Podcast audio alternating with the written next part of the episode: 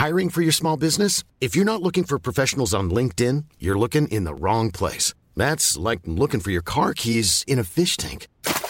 LinkedIn helps you hire professionals you can't find anywhere else, even those who aren't actively searching for a new job but might be open to the perfect role. In a given month, over 70% of LinkedIn users don't even visit other leading job sites. So start looking in the right place. With LinkedIn, you can hire professionals like a professional. Post your free job on linkedin.com slash people today. At du begynner for ekstremt. Du, skal begynne, du har ikke trent hele jula, så skal du plutselig trene fem ganger i uka. Og samme kosthold, at du plutselig ikke skal spise det ene eller det andre. Begynn i det enkle, begynn på frokosten, sørg for at den er god kvalitet. Klassiker der er jo at man veldig mange i et norsk kosthold spiser veldig lite protein til frokost type havregrøt med kanel og sukker og kanskje noe bær. Altså Det er jo nesten ikke protein i det hele tatt. Men har du da smelt oppi litt yoghurt, cottage cheese, uh, har noe melkeprodukt ved siden av, eller et egg f.eks., klekka i en eggehvite når man koker uh, og får en mer fluffy konsistens, så har det plutselig også økt proteininnholdet, som igjen da har, har uh, gjort at du får en litt lavere blodsukkerstigning og, og, og de, det du faktisk trenger, da.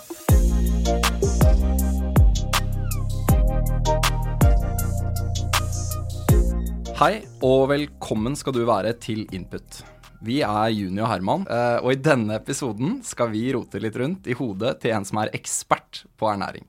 Dette blir kult. Og forhåpentligvis også nyttig for å bli litt tryggere rundt temaet. Dette er jo noe som vi alle bryr oss om og er opptatt av, men som det ikke er helt lett å bli klok på. Kosthold skrives det jo om støtt og stadig, og vi kjenner alle de klikkvennlige overskriftene. Finn dietten for deg. Gå ned i vekt med riktig kostplan, og la oss ikke glemme sommerkroppen. Der er det mye juicy på denne tiden av året hvert eneste år. Det skrønte jo ikke akkurat på innsalget om hvordan vi kan forbedre spisevanene våre, og hvilke tips og triks som kan hjelpe oss til målet. Vi tenker derfor at det er greit for deg som lytter på å få kokt dette ned til de basicsene med enkle poenger og knagger. For hva gjør egentlig kostholdet vårt med kroppen vår? Ikke bare på utsiden, men på innsiden, som til syvende og sist er det aller viktigste. Ja, og så lurer jeg liksom litt på dette forholdet mellom kosthold og prestasjon. Hva er korrelasjonen der? Det er jo mange dietter der ute som vi oppfordres til å teste ut. Men hvordan kan vi egentlig finne da en livsstil som vi kan opprettholde over tid? I motsetning da til denne New Year, New Me med alle januarinnmeldinger i treningsstudioer og eh, restriktive matregimer, ikke sant. Selv så gikk jeg ned mange kilo i løpet av en vår. Gjennom da et ekstremt fokus og strenge rutiner knyttet til både trening og kosthold. Jeg opplevde at den store endringen i kostholdet var det som gjorde det største utslaget for meg den gangen. Men likevel da, så var dette her noe som ikke jeg klarte å opprettholde i særlig grad etter at jeg nådde målet mitt. Fordi altså, faktum er at man blir jo drittlei når man går helt cold turkey og alt blir for rigid. Ett år senere så hadde jeg sklidd helt ut på matfronten. Eh, så jeg er liksom nysgjerrig da på hvordan kan vi ta vedvarende grep? Uh, vi skal jo liksom kunne kose oss også, ikke sant? ja, så er det, det med å kose seg er jo i seg selv veldig interessant, Arup-mat, for hva ligger det egentlig i det? Når ble det sånn at mat må være usunt for å være kos? Eh, denne balansen synes jeg selv er kjempevanskelig, for jeg er helt avhengig av å kunne kose meg med mat. Og det gir meg veldig veldig mye glede i livet, da. Um, og samtidig så er det som du sier lett at det sklir helt ut. Og om jeg først kommer ordentlig i gang med trening, da skulle man jo tro at det å kose seg ga meg bedre, at jeg hadde bedre samvittighet, men for meg blir det jo stikk motsatt. Trener jeg og tar sunnere valg på den fronten, så føler jeg at jeg bør være enda strengere med maten også. Eh, og man vil jo ha betaling for det strevet som man legger ned når man først gir en innsats, da, og jeg tror det er veldig mange som også kjenner på dette.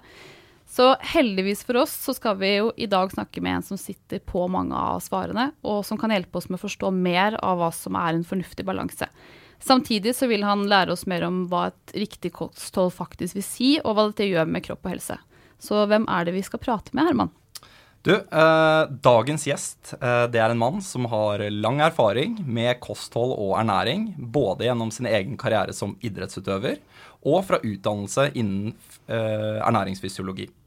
Som mangeårig toppidrettsutøver tilegnet han seg en stor personlig og faglig erfaring innenfor kosthold, trening og prestasjon, og kan bl.a. skilte med NM-gull på lagtempo i sykling. Gjennom sin videreutdannelse innen Sports Nutrition Diploma hos Den internasjonale olympiske komité har han senere blitt engasjert som ernæringsrådgiver på Olympiatoppen. I dag så er han daglig leder og eier av Finish Line, som er et selskap som jobber for at mannen og kvinnen i gata skal få den beste oppfølgingen innenfor kosthold og trening, uansett utgangspunkt og mål. Med andre ord så kan vi med sikkerhet si at dette er riktig mann som skal svare på spørsmålene våre, og dine, rundt kosthold og ernæring. Hjertelig velkommen til Input, Morten Mørland. Ja, ja, ja. Er du, eh, er du varm i trøya allerede? Nå er jeg varm i trøya, vet du. og Jeg tror mye av det dere snakker om her, eh, går igjen hos veldig mange. Så jeg tror det blir veldig bra å snakke litt rundt de temaene her. Eh, hvilke toppidrettsutøvere er det du har arbeidet med? Kan du si det? Det kan jeg ikke si, dessverre, men eh, det er veldig mange. Og det, det blir jo selvfølgelig etter noen år i, i, i den bransjen, så blir det jo mange VM- og OL-gull, heldigvis, som man eh, har eh, vært med og bidra til, i hvert fall. Som en brikke i, i puslespillet. Så, så det er absolutt eh, veldig, veldig artig, det. Og så Mm. syns jeg det faktisk er vel så artig å jobbe med de som ikke nødvendigvis er idrettsutøvere, men som skal prestere også på andre områder. For man ser jo at mye av de samme parallellene kan trekkes, da. Absolutt. Men eh, hva med deg? Altså, Hvordan ser ditt kosthold ut? Sånn, hva har du Jeg- spist i dag, Martin? Jeg regnet med det spørsmålet her kom. Nei, du vet, Som eh, småbarnsfar så eh, tror jeg nok kostholdet blir litt prega av det. Jeg vil jo egentlig si at jeg generelt sett spiser ganske normalt. Om det hva som ligger i normalt, er sikkert forskjellig for, for meg og for mange andre. Men jeg koser meg masse, spiser godis med kidsa, og, men jeg spiser også mye god og sunn mat. Og føler sjøl at det er en veldig grei balanse når det kommer til det. I uh, introen av deg så var jeg veldig kort innom bakgrunnen din. Uh, men kan ikke du gjøre som de andre gjestene våre har gjort, og gi litt input om deg selv? Ja, um, jeg var jo egentlig en litt sånn fotballgutt der frem til jeg var 18-19 år gammel. Og så eh, hadde jeg vært i utlandet et år og kom hjem til, til Grimstad. Og da eh, ringte eller snakka jeg med Dag Otto Lauritzen, og, så- og så hadde han fått nyss eh, gjennom noen bekjente at jeg hadde sykla litt da jeg var vekk. Og da fikk jeg plutselig en melding av Tor, da, Hushovd, og spurte om jeg ikke ville være med ut på en sykkeltur. eh, og det var egentlig starten. Da, Da, da sier man vel ikke nei. Nei, jeg kunne ikke si nei, selv om jeg kanskje burde gjort det, for den hardeste turen jeg har vært med på noen gang. Men eh, det var skikkelig sånn eh, Det tente den fyrstikken, da, for å si det sånn, for motivasjonen for å begynne å sykle ganske mye. Ja. Så det var da du på en måte kom i gang med sykling etter det? Ja, det Ja. var faktisk det. Jeg sykla bare litt for gøy med en kompis, og så, så var det et veldig lite miljø i Grimstad, og så var det på en måte i gang, da. Så da begynte jeg litt sånn på scratch, og ganske seint da, i, i sånn idrettssammenheng. Så, ja. men, eh, men var veldig dedikert, så da fikk jeg jo ganske god fremgang ganske raskt, da. Mm. Og hvordan kom du over på ernæring? Altså, Hvordan er linken der? Det, det er egentlig en ganske logisk forklaring, for når jeg var yngre, så sleit jeg ekstremt mye med magen. Jeg var inn og ut av sykehus når jeg var sånn 13-14-15-16, de åra der. De, tror jeg, tror de holdt på å operere blindtarmen min tre-fire ganger, tror jeg. De var sikre på at det var det, men så viste seg jo at det var cøliaki da, som lå i grunn. Eh, Så jeg sleit veldig mye med det, og det gjorde jo at jeg måtte interessere meg for ernæring til en viss grad. Eh, Så det tror jeg var liksom veien inn. Og så så på en måte den kliniske biten av det, det syns jeg var ganske kjedelig, så da peila det raskt inn mot eh, idrettsernæring eh, for min del. da. Brukte det mye sjøl når jeg var, var aktiv. Ikke sant.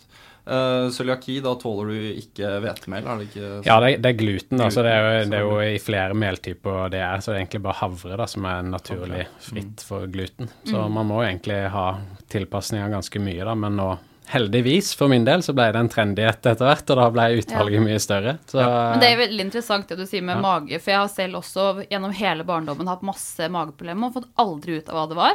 Og det er veldig interessant hvis man ikke slår ut på disse vanlige testene, f.eks. Så blir man veldig fort satt i en eller annen bås som kanskje ikke Jeg ble jo til og med anbefalt antidepressiva, husker jeg. For det er sånn, da er du sikkert stressa eller bekymra barn, da. Men jeg fant ut at jeg ikke tåler melk, da. Så det er veldig sånn Ja, det er jo ofte en bakgrunn eh, som Eller no, noe som ligger der, eh, og det er ikke alltid ting slår ut på prøver, og det ser vi jo utøvere òg. Mange som sliter med magen, og ja, uten at det trenger å være noe allergi, men at det er på en måte totalen på et eller annet vis eh, som, som bikker det over. Da. Så det er viktig å, å ikke gi seg når man har ubehag, så kan det være enkle grep man kan gjøre som kan hjelpe, da. Og dette tar oss over til Finish Line, da, som du startet opp eh, videre. Hvordan, hva var motivasjonen bak det?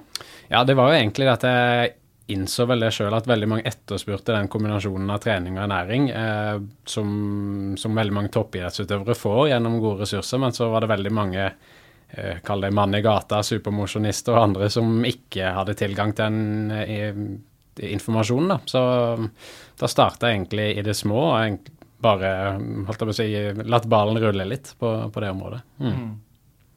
Og vi snakker jo da om eh, sant, eh, alt fra mannen i gata til toppidrettsutøveren. Altså Vi snakker jo hvordan du kan optimalisere eh, kosthold og trening gitt det, den situasjonen du står i, og gitt de målene du har. ikke sant? Mm.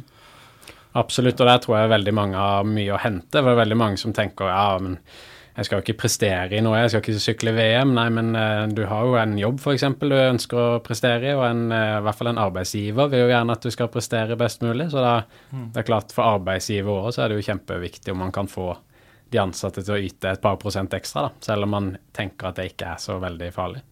Og så har du sikkert paralleller til eh, f.eks. reduksjon av sykefravær og Absolutt. mange andre ja. korrelerte sammenhenger. Definitivt, og der ligger det jo veldig mye studier på de tinga der, da. Så, mm. Men det går jo litt selvfølgelig på, på, den der følelsen av å ha energi ut dagen og de tinga som vi sikkert kommer litt inn på seinere i dag. Ja, absolutt. For eh, når du ser på altså, mat i samfunnet i dag, hva er de største utfordringene som du ser det? Nei, altså det er jo ikke til å stikke under en stol at det kroppsfokuset som er i dag, det er jo blitt enormt. Eh, og da kan man jo selvfølgelig snakke om hvorfor det er der, men det er nå i hvert fall der. Og det med at man snakker veldig mye om, om eh, presentasjon da, fremfor prestasjon. Altså hvordan man ser ut, selv, selv for mange idrettsutøvere, er viktigere enn hvordan kroppen presterer. Eh, og da mener jeg at man har på en måte gått litt i feil retning, da, framfor å tenke på hva er det man bruker kroppen til. Som småbarnsfar så um, kan jo det være å, ha nok energi til å faktisk leke med barna når du kommer hjem fra jobb. da. Eller for en idrettsutøver så kan det være det å stå treningen og, og tåle det. ikke sant? Så, så det, er, det, er ulike, ulike vinklinger på det. og jeg tror, uh, jeg tror veldig mange har gått seg litt inn i et, malt seg litt inn i et hjørne da, på, mm. på de tinga. Mm. Og altså min antakelse her var jo kanskje at en av feilene Dette er åpenbart en, uh, er åpenbart en stor utfordring, det du nevner her. Men uh, tilgang til rask og i gåseøyne usunn mat, kanskje? Ja, altså det hele temaet er jo ganske komplekst. da, Det er mange faktorer. Men uh, det, i forhold til raske løsninger sånn, så tror jeg det er litt sånn kanskje misforstått òg, da. Men rask trenger jo ikke bety usunt. kutter du en salmalaks hjemme og litt grønnsaker, så er jo ikke det usunt. Det går veldig raskt. men men det er klart, går man på hjørnet og tar kebaben i hånda f.eks., så er det en litt annen historie. Og det går jo litt på at energiinnholdet da, er så ekstremt høyt mm. i ett enkelt måltid at det blir vanskelig å kontrollere totalen over tid, da, hvis mm. det er et mønster som går igjen. Men det å ta seg en kebab eh, en gang i ny og ne har jo ingenting å si. Det, men det er klart, er det en vane at man har veldig mye type fast food som man ser er et problem i, i Vesten, så da, da er det jo en litt annen, annen greie, da altså, hva defineres som sunt? Fordi mye av den maten vi prater om som sunt, selvfølgelig utover sånn helt rene råvarer, kan jo være tilsatt veldig mye vi ikke helt har forståelse for eller vet hva, ja, hva betyr. Ja, absolutt. Og jeg er i hvert fall personlig ganske avslappa når det kommer til tilsetningsstoff og de her tinga. For det er klart at uh, det er ganske nøye regulert her i Norge og Europa. Og selvfølgelig, forskning går fremover. Det kan være om ti år at vi vet noe annet om et stoff enn det vi vet i dag, men sånn er det jo med alt. Men i hvert fall det vi vet i dag, så er det nøye regulert. Uh, opp mot helseaspektet helseaspekter rundt det. da. Mm. og det her er jo for at maten skal holde seg lenger. Hadde vi ikke hatt mye av de tilsetningsstoffene vi har i dag, så hadde vi jo hatt et enda større problem i forhold til mat og holdbarhet og, mm. og mat i hele verden. da. Matsvinn er et stort nok problem. Som det er det, absolutt. Så, ja. Noe men, må vi tillate oss på veien. Vi må det, men så har det samtidig også blitt litt sånn idet man på en måte begynte å registrere det og fikk de her skumle E-numrene på mm. tilsetningsstoffene, så gjorde jo det at veldig mange mange var skeptiske. Mm. Men uh, det er jo på en måte en måte å konservere og bevare mat på. I middelalderen, var det vel, så, så gravde de jo ned laks i vannkanten uh, for, å, for, å, holde den, ikke sant. Så um, det er jo litt å Jeg tenker det er veldig fint det, at du sier det, for da slipper vi liksom å ringe alarmbjellene på alle fronter på en Ja, gang. her, nei, liksom. det, det, jeg får litt sånn vondt i magen når jeg ser eh, at det blir for mye, for mye skremselspropaganda rundt enkeltstoffer. For det er jo klart det er totalen av ting som betyr noe, ikke om, om det inneholder det ene eller det andre. Hvis det hadde vært sånn, så hadde det ikke vært i maten i utgangspunktet. Ikke sant? Nei. Ja. Men inni den totalen så har vi ofte da sukker, f.eks. At det er tilsatt. Em, føler du at det er her mange går på en smell, sånn sunnhetsmessig? Ja, altså Det er jo ikke noe tvil om at vi, vi spiser jo altfor mye sukker, hvis man ser på uh, sukkerinntaket. Og da er det jo viktig å, å skille litt her, da, sukker og karbohydrater. For det er jo veldig mange som tenker at karbohydrater og sukker er det samme. Og ja, i teorien så vil begge deler bli brytt ned i den enkleste formen som heter glukose, da. Men uh, sukkeret er jo bare ren, rent sukker, ikke sant? og det er ingen andre næringsstoffer. Mens i karbohydrater, om det er gjennom potet eller pasta eller hva det er, så får du masse andre næringsstoffer, vitaminer og mineraler som kroppen trenger, mens sukker gjør du ikke det. Så det er jo ikke noen tvil om at, eh, at karbohydratene vil vi gjerne ha en stor andel av i kroppen, men ikke nødvendigvis rent sukker for de som beveger seg lite. Men eh, når vi snakker om eh, kosthold, hva definerer du som et optimalt kosthold? Fordi her er det mange som allerede har vært inne på nå, sunn mat. ikke sant? Hva er sunn mat, hva er et sunt kosthold? Og du snakket jo også litt om balanse, så hva, hva er det optimale kostholdet? Ja, det er et veldig godt spørsmål, eh, og hadde jeg hatt svaret, så hadde jeg vel vært eh, milliardær, tipper jeg. Men, eh, men jeg tror jo at eh, det er akkurat det du sier, der, definisjonen på hva er sunt, det er litt sånn viktig å ta for seg. For sunt er ikke nødvendigvis sunt for alle. Altså eh, er jo frukt og grønt kan vi jo bli enige om er sunt, ikke sant? Ja. Men spiser du bare frukt og grønt hele dagen, ikke noe annet, da er ikke det sunt lenger. Nei. Ikke sant? Så handler det om konteksten ting er i. Kanskje kan da faktisk den burgeren være med å redde deg til et sunnere kost fordi du faktisk fikk i litt protein. Ikke sant? Skjønner du? Ikke sant? Så det er, det er noe med sammenhengen i alt. Og det er litt sånn, jeg får stadig det spørsmålet kan jeg spise det, det er det sunt, er det bra? Og da kan jeg egentlig ikke svare, for det handler om hva hver enkelt gjør. Naturligvis. Så det, der tror jeg veldig mange blemmer seg at de på en måte blir litt for utelatende på en del matvarer da, og ser seg litt sånn blind på, på at uh, ting er usunt og sunt. Eh, og så er, glemmer de å se det store bildet. Fordi altså, Det du sier nå, høres jo for meg ut som at man må være litt dynamiske, kanskje. da, Og du må ta en beslutning om hva du skal spise basert på hvordan ser overall-bildet ditt ut. Ja. Uh, men altså, en helt konkret ting er jo dette med å være altså rigiditet versus fleksibilitet. Eh, jeg kjente, som jeg var inne på i introen, altså da jeg hadde en sånn periode hvor jeg bare gikk helt cold turkey, spiste bare knekkebrød med skinke og brokkoli i et halvt år for at jeg skulle komme meg ned, eh, så, så var jo det liksom Det var jo rammer som er helt umulig å leve Ja. innenfor eh, når du er ferdig med det og nådd målet ditt. Um, mens noen lever jo veldig rigid i et sånn kostholdssetting, mens andre er fleksible. Ja, Hva tenker du der? Ja, nei, jeg tenker absolutt at eh, jeg følger deg veldig på det, og jeg ser jo at akkurat det du beskriver her, er en veldig gjenganger. Og noen klarer alltid å følge det, som i trening, og noen klarer å være ekstreme på trening og være rigide, da man kaller det det. Eh, men det har en del konsekvenser, og da tenker jeg særlig sosialt. Blir man for ekstrem, om den ene dietten eller den andre, så har det sosiale konsekvenser. Når du skal ut med venner og spise, du skal på familiemiddag, nei takk, jeg kan ikke ha pasta, men jeg kan ha kjøttbollene som ligger oppi. Altså, det har en del konsekvenser å, å kjøre den linja der, og det, noen kan klare det, men det er de færreste. Og så tror jeg ikke det er bra i det hele tatt for verken fysiske eller den psykiske helsa å bli for rigid på noe i det hele tatt, da. Og det gjelder kosthold òg. Jeg tror eh, i forhold til hva som er optimalt, så så handler det jo i stor grad om å holde seg relativt vektstabil. Eh, ha et kosthold som gir god energi gjennom dagen, at man sover godt, er lite sjuk. Altså, det er jo de basalene der man egentlig havner tilbake på, da. Og der spørsmålet gir det rigiditeten og overfokuset Støtter det opp under det? Min teori er at du i hvert fall ikke gjør det. At du mest sannsynlig blir mer stressa av det, kanskje sover dårligere, engster deg for ting du burde gjort annerledes i kosten osv. Så, videre. Så det å finne den fleksibiliteten og lære seg at det er greit å, å, å, å skeie ut, da, om man skal kalle det, eh, med at man har en base, men at det òg er greit å ikke treffe hele tida, det tror jeg er noe man må akseptere. For det er umulig nesten å ha kontroll på alt man gjør når man spiser tre til syv ganger om dagen. da.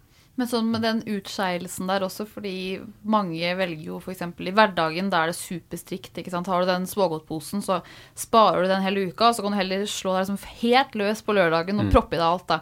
Eh, hvordan forholder du deg til den balansen? Og så er det bedre å heller kose seg litt hver dag, eller bør man være streng i hverdagen, og så kommer helgen, og da kan du slippe litt opp? Ja, altså Hvis en ser på litt studier som er gjort på det, så viser den jo at det, hvis en på en måte er veldig rigid og slipper opp, så er det ekstremt vanskelig å kontrollere energiinntaket man først slipper opp. Så ender man egentlig summa summarum opp med å konsumere mer energi enn man ville gjort kanskje med å bare unne seg litt og litt. Så det er jo et viktig poeng, og jeg tror det er sånn mentalt. Og det, det er jo noe som går igjen hos veldig mange, da, at det er liksom hverdag, mandag. Da er det beinhardt regime frem til fredagen kommer. Så er det plutselig helg, fredag, lørdag og søndag. Og det er klart, det er jo på en måte greit, det, men da blir det, hvis man har tre kosedager i uka da, med ekstreminntak pluss alt av ferier osv., så, videre, så blir jo kosen en stor andel av, av livet, da. Ja. Og må tre dølle, fire dølle dager, da, og så tre som er sykt koselig. Ikke sant? Ja, og så er det noe med å finne den balansen. Altså, jeg er veldig for å på en måte ha et avslappa forhold til det hele veien. Og, og liksom er det noen som Er man på besøk hos noen og får en bolle på en tirsdag, så koselig det, liksom. Og så, så er det på en måte Ha, ha en base på 80-90% som er bra, så har du resten til å, til å kose deg på, da. Ja, og holdt på å si eh, det som jo er interessant, og som er vanskelig å Eller som du skal få lov til å svare på, men som er vanskelig å gjøre noe med, da, hvis dette stemmer, det er jo Gjelder, gjelder reglene for alle, eller er det sånn at det er store naturlige forskjeller på, hvor, på din naturlige forbrenning? Eh, metabolisme er jo et ord vi er kjent med fra nyhetsbildet. Hvor, hvor store individuelle forskjeller ligger det i hvor mye man kan flekse, og hvor mye man kan unne seg? Ja, og det er et godt spørsmål, og veldig mange i hvert fall eh, som kommer opp i åra, skylder jo veldig på forbrenninga si. At den, den avtar så mye, men dessverre så avtar den relativt lite. Eh, hvis man eh, Det er ikke mange det er ikke mange skinkeskivene ekstra i forskjell for når du er 20 år og du er 40, Jeg hadde, jeg hadde akkurat begynt å, hadde akkurat begynt å legge på den unnskyldningen ja. nå, liksom. Nei, dessverre så er den Det handler i stor grad om hvor stor masse har man, eh, og, eh, og ikke minst hvor mye er man i bevegelse.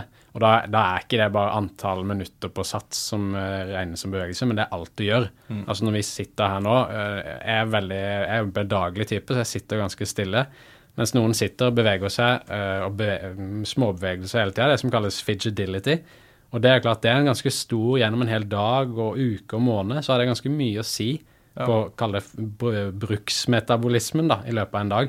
Og du må, du må definere Hva var det ordet du sa? Ja, metabolisme eller forbrenning, det er på en måte to eller samme, samme ord sånn sett. Og der har Ja. vi noe som kalles basalforbrenning, eller basalmetabolisme. Mhm. Og det er jo på mange måter den forbrenninga du har hvis du hadde ligget i senga en hel dag i helt hvile. Altså Ja. det kroppen bare trenger energi for at organer og alt skal fungere. Mm. Og så har du jo selvfølgelig da, idet du reiser deg opp, så, så begynner du å bruke mer energi, ikke sant. Og avhengig av hvor mye du Og ikke sant, de tipsene med å gå trapper på jobb og alt det her, det er jo på bakgrunn av det at du får totalt sett mer bevegelse og alle de her appene med skritteller osv. Så, videre. så det, Ja. det er store forskjeller der, da, hvis man ser, og avhengig av jobben man har. En tømrer versus uh, en sitter på kontor, ikke sant. Det krever jo at en som sitter på kontor, kanskje må tilrettelegge for mer bevegelse utenom jobb enn en tømrer som kanskje kan sette seg i sofaen og slappe av og vært i bevegelse hele dagen. Selvfølgelig. selvfølgelig. Og det kontorgreiene, det gjelder jo dessverre du, altså veldig, veldig mange, flere og flere av oss, da. som eh, kanskje sliter med å få inn den hverdagsaktiviteten, eller som du sier, bare de små tingene som kan være med på å bidra i det store regnestykket, egentlig. Ja, definitivt. Så det tror jeg, tror jeg veldig mange glemmer litt når man, eh, når man er i det i jobbhverdagen. Det der små bevegelsene. Alt fra å gå bevisst og ta en eh, beinstrekk. eh, Det er bra, bra både for kroppen, men det er òg bra for, for hodet. eh, For å restarte litt. Så det kan være et, en viktig ting å ta med seg. det. Så key takeaway er at vi kan ikke drive og skylde på den her forbrenningen som synker med alderen, og Nei, er store hvert- forskjeller individuelt. Det er i hvert sånn. fall veldig begrensa. Men livsstilen kan man skylde på. Men ikke, Ikke ikke alderen så mye, dessverre. Men eh, når vi er inne på da dette optimale kostholdet som vi snakker om nå, hvilke fordeler har det dersom vi går litt inn for å optimalisere det så mye vi kan? da, altså I jobb og skole og idrett, men også livet generelt? Altså et kosthold for en idrettsutøver, en mann i gata, og, og holdt jeg på å si, de vil, en, de vil jo være veldig forskjellige. Og alle har forskjellige behov, så det handler jo om å treffe de behovene man har. Men da, da tenker jeg at det, det, de fleste merker, det er jo at du har mer energi. Du, du, orker mer i løpet av en dag. Det var litt som vi var inne på i stad, det å faktisk kunne prestere på jobb og etter klokka to. Det er veldig mange som får den klassiske blodsukkerduppen etter lunsj i 11-12-tida. altså to til fire er ganske ineffektive jobbtimer for veldig mange. da. Så jeg tenker både for, for de, men òg en arbeidsgiver, så vil det ganske mye å si. Tilrettelegge for at det faktisk blir òg gode jobbtimer. da. Mm. Så hvis en, hvis en, tenker sånn på det. Mm. Og som jeg også sa, det å komme hjem og faktisk ha energien til tilstedeværelse da. da. Og det er liksom noe med at når, du først, eh, når det blodsukkeret begynner å droppe, og du finner deg selv på vei ned, så tar du ikke tak før du er helt på bånn, og da tar det litt tid å få deg opp igjen. Det gjør det, og det er, ikke sant, det er jo den fasen på en måte hvor det er vanskeligst å unngå fristelser. Særlig mm. hvis man da ikke har spist lunsj, og så skal du kanskje handle på butikken på vei hjem klokka fire. Lykke til, sier jeg. Ja, ikke sant. Da er den der eh, snickersen i hylla, den, den er eh, farlig nærme. Den er farlig nærme. Så det man må egentlig planlegge litt, da. Det er det det går litt på. at faktisk, okay, for, Hvis du vet du skal handle klokka fire, så handler det faktisk om at du må innta noe klokka to. da, mm. For å unngå at blodsukkeret er så lavt at uh, motstandsdyktigheten nå blir veldig lav. da. Mm. Sånn som, så som det lille mellommåltidet der. altså For mange tror jeg det er ganske vanskelig å helt peile ut hva som er et godt mellommåltid. altså mm. sånn Ta deg en banan, f.eks. Ja, det er jo noe, men mm. mange opplever jo ikke så veldig sånn metthetsfølelse av en banan, f.eks.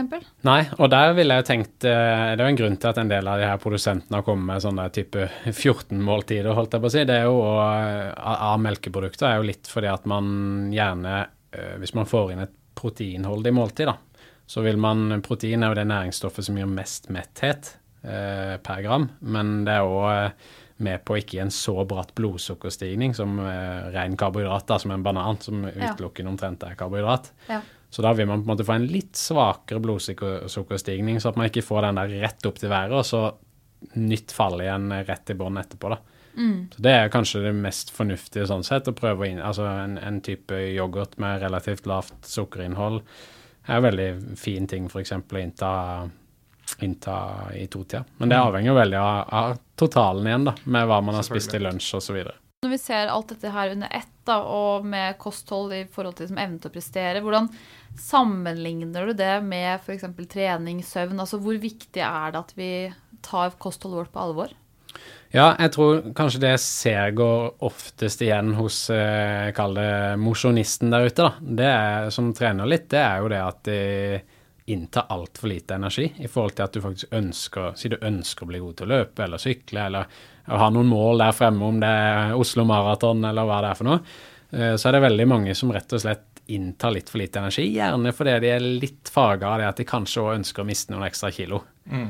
Eh, og så ender du egentlig opp med å trene deg litt i senk eh, og ikke ha energi nok til å verken stå treninga eller å, å ha god trening over tid. da.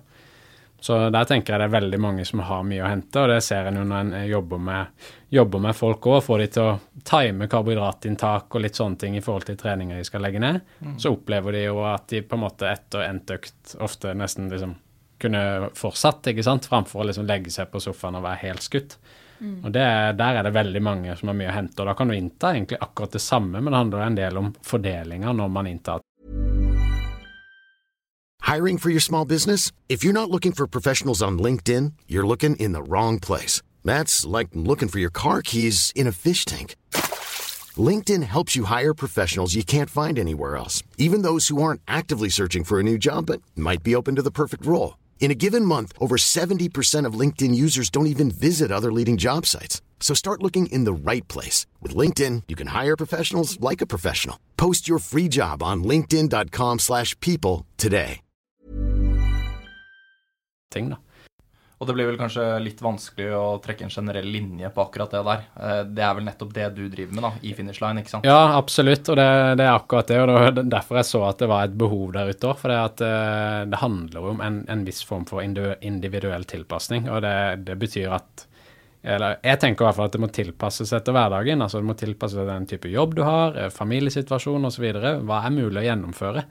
Dette med at kosthold er det som i størst grad styrer vekta. Mm det er jo sånn velkjent sånn eh, utsagn at eh, 80 av eh, på en måte eh, veien for å komme til eh, målet ditt, om det er la oss si et eh, utseendemessig mål du har, eller om det er at du har et helsemessig mål om f.eks. å komme deg litt ned i vekt da, for å ha en, eh, ha en mer balansert kropp, så gjøres 80% på kjøkkenet, har jeg hørt, liksom. Av venner som har drevet mye med utholdenhetstrening og whatnot. Ja, ja, ja, og jeg vil jo si egentlig at uh, om det er 80% eller akkurat hva prosenten er vanskelig å si, men det begynner i hvert fall i handlekurva Ja, på butikken. Uh. For det er jo det som bestemmer hva som uh, lander hjemme. ikke sant. Og Derfor tenker jeg at det er kanskje noe av det viktigste folk gjør, er jo å lage en god plan på innhandling. Mm.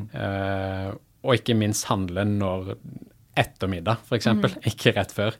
Eh, For da han- han- havner du ofte ganske mye rart i den handlekurva. Mm. Så det å legge en litt plan på det, og være litt smart på de tinga, da gjør man seg sjøl en liten tjeneste. Og jeg på å si, Det leder oss vel kanskje egentlig inn på dette her som er litt interessant, da, å snakke om disse kortvarige diettene, som er ofte i vinden, når du leser om det og whatnot.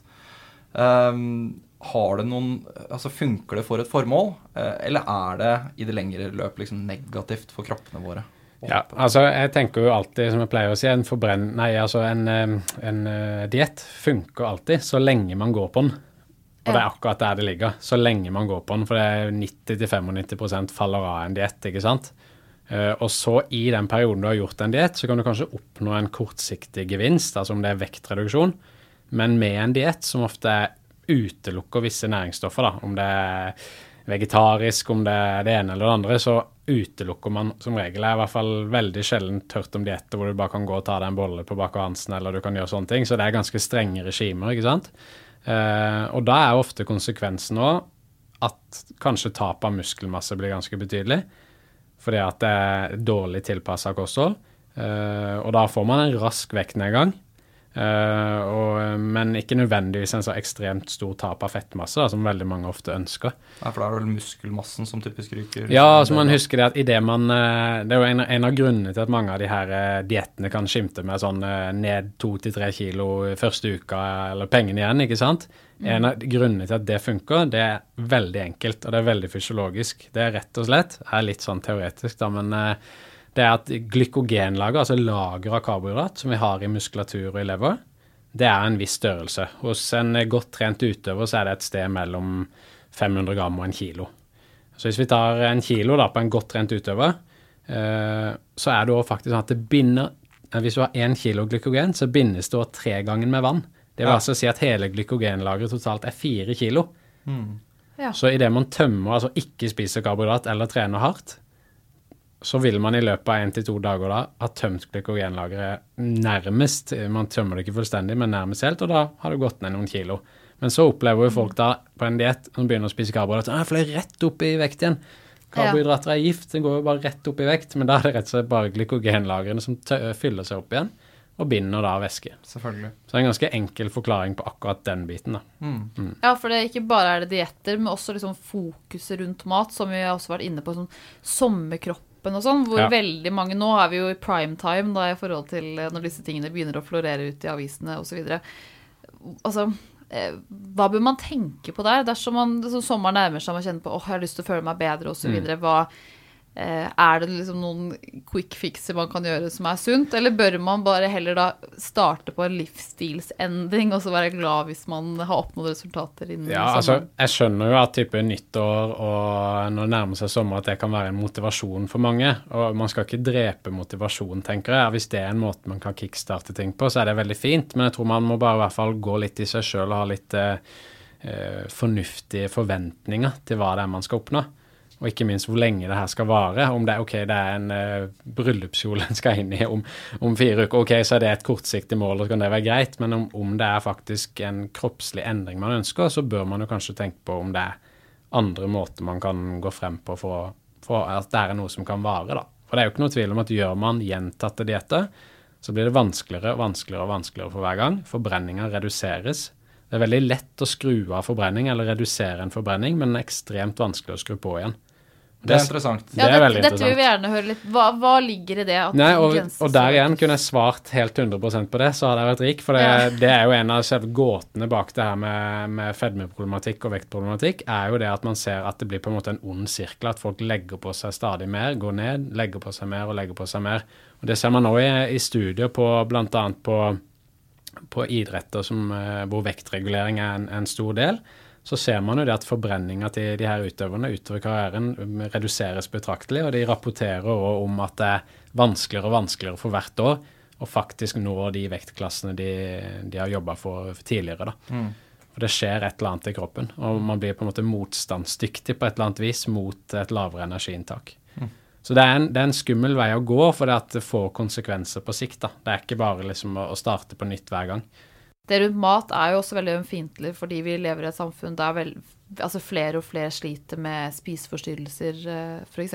Ja. Eh, og det gjør det nesten sånn vanskelig, syns jeg personlig, å prate om det også i en podkast, fordi for min del så ligger det så, så tydelig der da, at når vi snakker om at det i forhold til vektnedgang og i til sommerkropp, altså det presset som hele tiden ligger på oss for å skulle gå ned i vekt, være slanke, og at det gir oss glede. Altså, som en næringsfysiolog så må man jo nesten møte på det ganske mye også. Absolutt. Eh, og det er en kjempeutfordring i, i samfunnet og idretten og overalt. Og det er jo etter, en ser jo det jo etter denne covid-perioden vi har vært igjennom, så har det blitt enda mer utfordrende. Og de unge sliter, og de er enda yngre enn de har vært før. Så det er en stor utfordring, og det er igjen et komplekst tema hvor uh, du kan liksom skylde på det ene eller andre sosiale medier og sånn og sånn, men jeg, jeg tror nok det er en sum av mange ting over litt tid som, som er med på å påvirke det. Men det, det er jo det i hvert fall jobber veldig hardt for, er jo på en måte å få folk til å se litt det større bildet, og ikke bare være så opphengt av kropp og utseende, men faktisk også kropp og funksjon. da. Og jeg føler litt i noen miljøer i hvert fall, så er de i ferd med å snu litt. Grann. Jeg håper at det,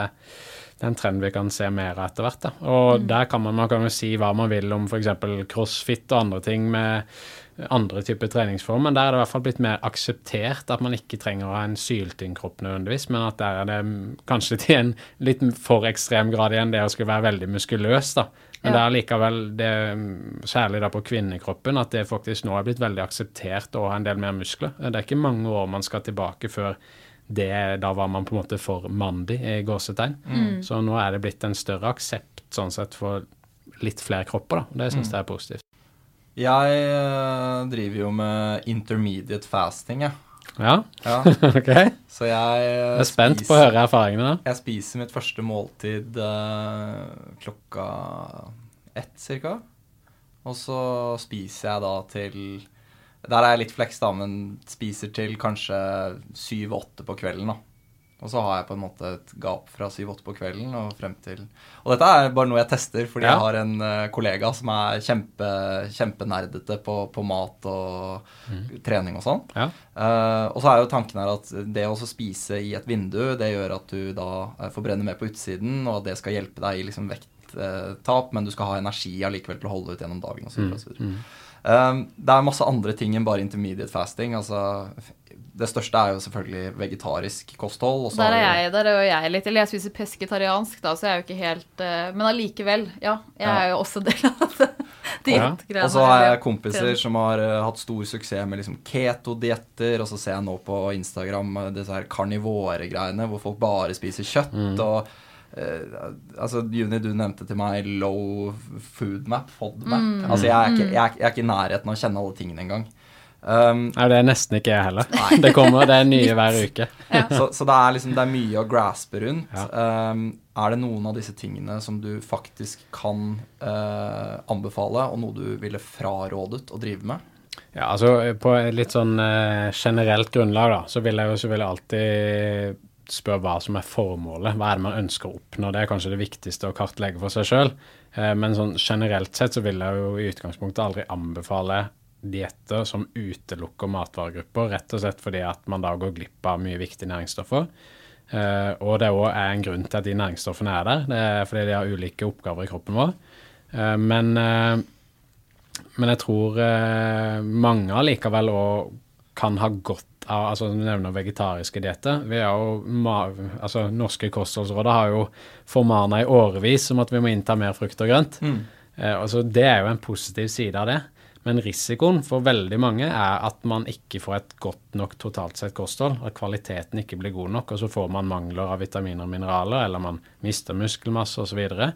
For at det krever ekstremt mye å gjennomføre et veldig godt uh, vegetarisk kosthold, f.eks. Du må finne kilder til protein, f.eks. Ja, for eksempel, så man må ha litt kunnskap da, rett og slett for å gjennomføre. Og hvis man trener, så blir den kunnskapen, da blir det enda viktigere. Og jo mer du trener, jo vanskeligere blir det egentlig. Men ja, det er mulig å, å fungere helt godt på det. Det er det mange studier som viser. Uh, og, men det handler om at man da må tilrettelegge ekstre, ekstremt godt. Og da havner vi litt tilbake til det vi snakka om i stad med rigiditet. Det har en del konsekvenser, da. Og Du nevnte intermediate fasting. Det òg har en del konsekvenser hvis du blir bedt på middag en kveld, ikke sant? Jeg er ikke så vanskelig. Nei. jeg, er, jeg, er dårlig, jeg, er, dårlig, på å være rigid. Ja, ikke sant. Men, men da er jo det på en måte litt, greit. Ja. Litt, litt fasting. Ja, men, men, det er jo greit. Men da er det jo viktig å være klar over at ok, gjør man det, så har det òg noen konsekvenser. Uh, og det er det som regel alltid med en diett, enten det er den ene eller andre veien. Så er det ok, det har noen uh, oppsider og noen nedsider. Mm. Og de nedsidene blir ofte dessverre litt for store fordi at man ikke klarer å gjennomføre det godt nok. Og det er jo ikke det er på en måte ikke for å henge ut noen på noen måte, men det er jo ikke noe tvil om at dietter er jo et form for ilandsproblem. Altså hvis vi brekker det ned til det basale, den dagen vi plutselig sitter igjen altså Det er jo lett å i hvert fall trekke de parallellene nå med krigen og alt som foregår, ja, at, eh, som setter ting litt i perspektiv. Da, at det er en del basale behov man faktisk har, hvor de her tinga kommer litt sånn i andre rekke.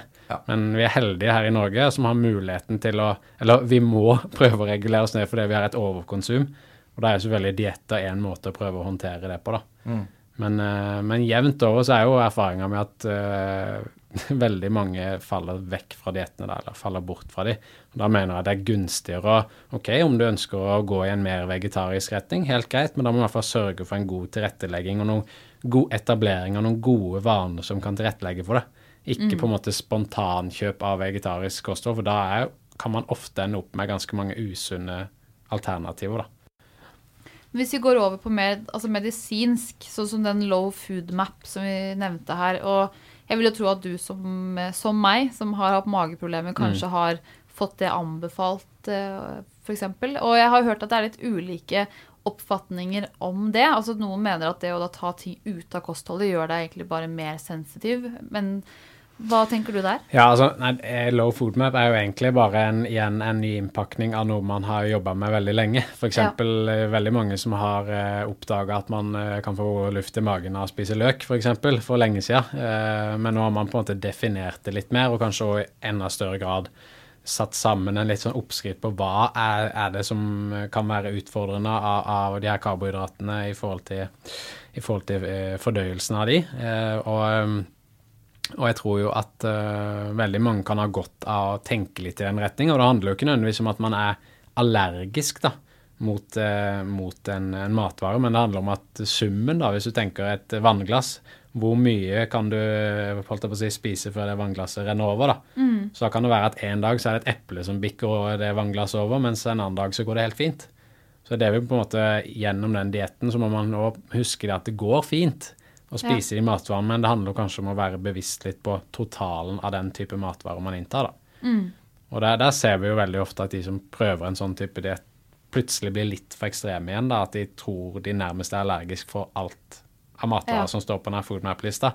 Og da er det ganske mange matvarer man skal holde seg unna etter hvert. I dette her eh, bildet av alle dietter og ting og tang, og folk har et Eh, ønske om å kanskje gjøre en endring. Forhåpentligvis eh, fordi at de ønsker å gjøre kroppen sin godt.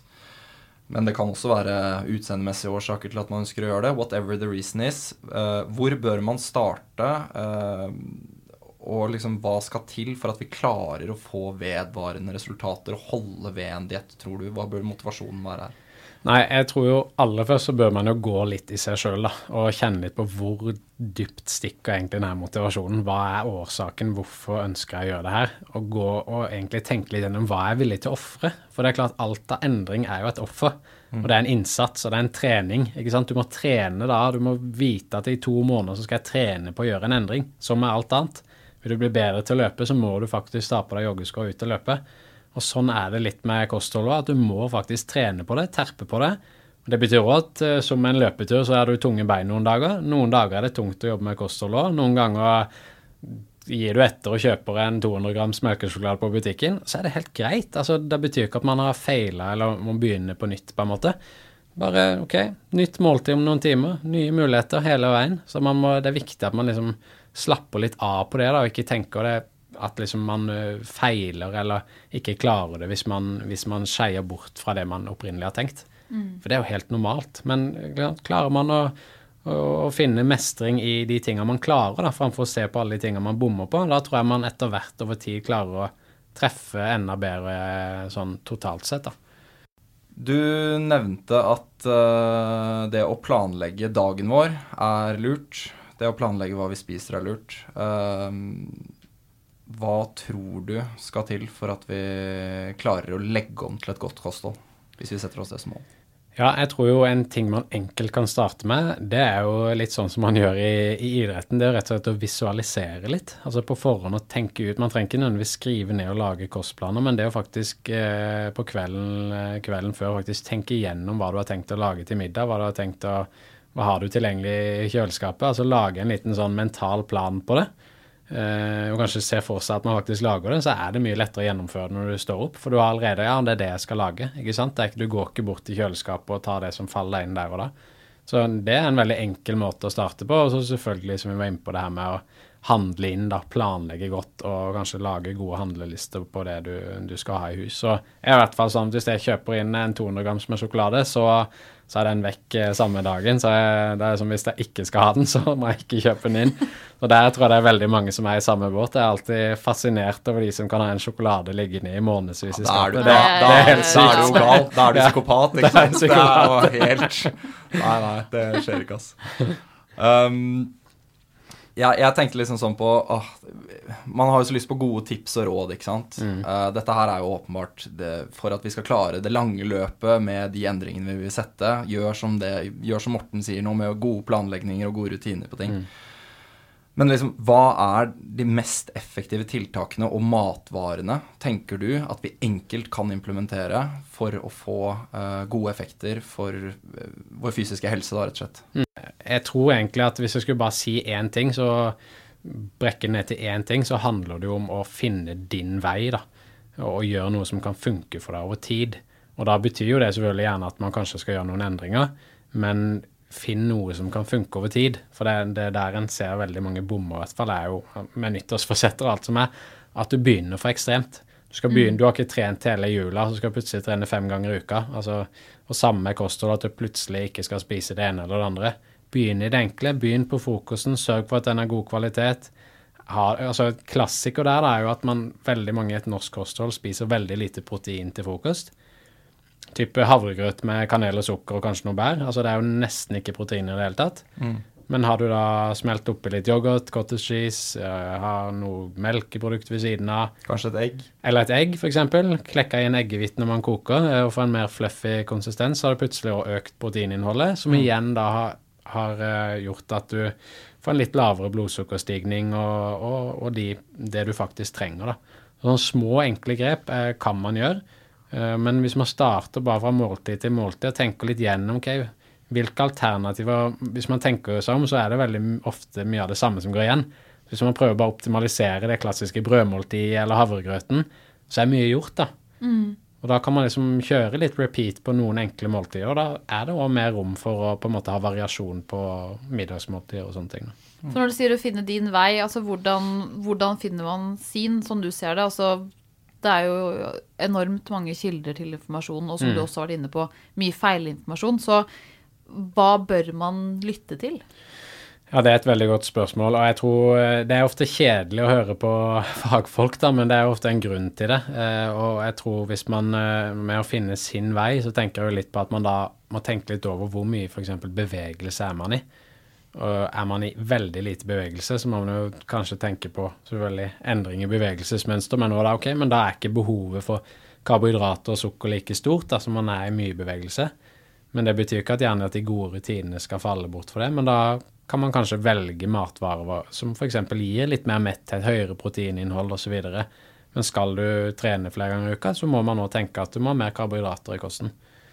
Så det er liksom Det er alltid veldig vanskelig å gi sånne generelle anbefalinger. Men, um, Men jeg tror i hvert fall at hver enkelt er litt sånn har det som grunnlag at man er kritisk til informasjonen man leser, da, og kritisk til det jeg sier, og kritisk til alt man hører. At man i hvert fall har en god og tenker litt gjennom ja, OK, en sier det, men hva er konsekvensen? Hvor fun hvordan funker det for meg? At man tenker gjennom de tingene først. Da tror jeg i hvert fall det er større sjanse for at man kan lykkes. Og jeg vel sånn, Syvende og sist, hvis jeg skulle si en ting til ja. alle der ute, det er å senke skuldrene litt. Ja. Altså ikke være redd for å bomme, mislykkes når det kommer til kosthold. Slapp helt av. Man bommer hele tida. Det er helt vanlig. Alle gjør det. Selv de med med sixpack-filter på Instagram, de, de, har ikke det perfekte kostholdet hele tida, de heller. Så bare liksom slapp litt av. Og så jeg får litt sånn noia alle som skal på en måte prakke på diverse rariteter og finurligheter på, på folk der ute. For det er liksom Vi har nok stress som det er i samfunnet, så på en måte kom litt tilbake til basalen og, og finn noe som funker for deg. For å oppsummere dette kort Spis sunt, folkens, men kos dere på veien. Um, Morten, tusen hjertelig takk for at du kom hit i dag. Veldig hyggelig. Tusen takk for uh, all kunnskapen uh, du har delt med oss, og med lytterne våre, selvfølgelig. Dette har vært uh, veldig spennende, og jeg håper du som har hørt på, har blitt litt mer motivert til å ta gode valg, og at du tar bedre vare på kropp og helse. Og kanskje sitter du nå og tenker at du gjerne skulle fått flere råd fra Morten, som er rettet mer spesifikt inn mot deg, dine behov og ønsker. I så fall så anbefaler vi å sjekke ut finishline.no, og at du hører på oss også neste uke. Da får vi nemlig besøk av tidligere kriminell og nå rådgiver for Blå Kors, Carl Bertil Norland, om veien tilbake til samfunnet etter tid utenfor. Vi skal snakke om hvordan rehabilitering av kriminelle faktisk fungerer, og om han mener at det fungerer i det hele tatt. Og ikke minst hvordan vi kan skape et varmere og mer inkluderende samfunn for alle. Inntil da Stay put. For more input. Ciao!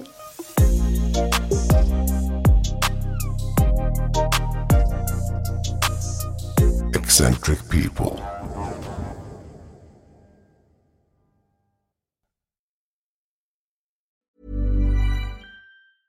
Okay, I have two new obsessions that I need to share with you. Impress No Glue Press On Manis and Impress Press On Falsies Lashes. Trust me, these are getting ready game changers. Both require no glue, so there is no damage to your natural nails and lashes, no mess, and no annoying dry times. Just one step and you're done. Boom instant glam. Visit impressbeauty.com slash presson and use code PRESSON25 at checkout for 25% off Impress Manicure and Press-On Falsies.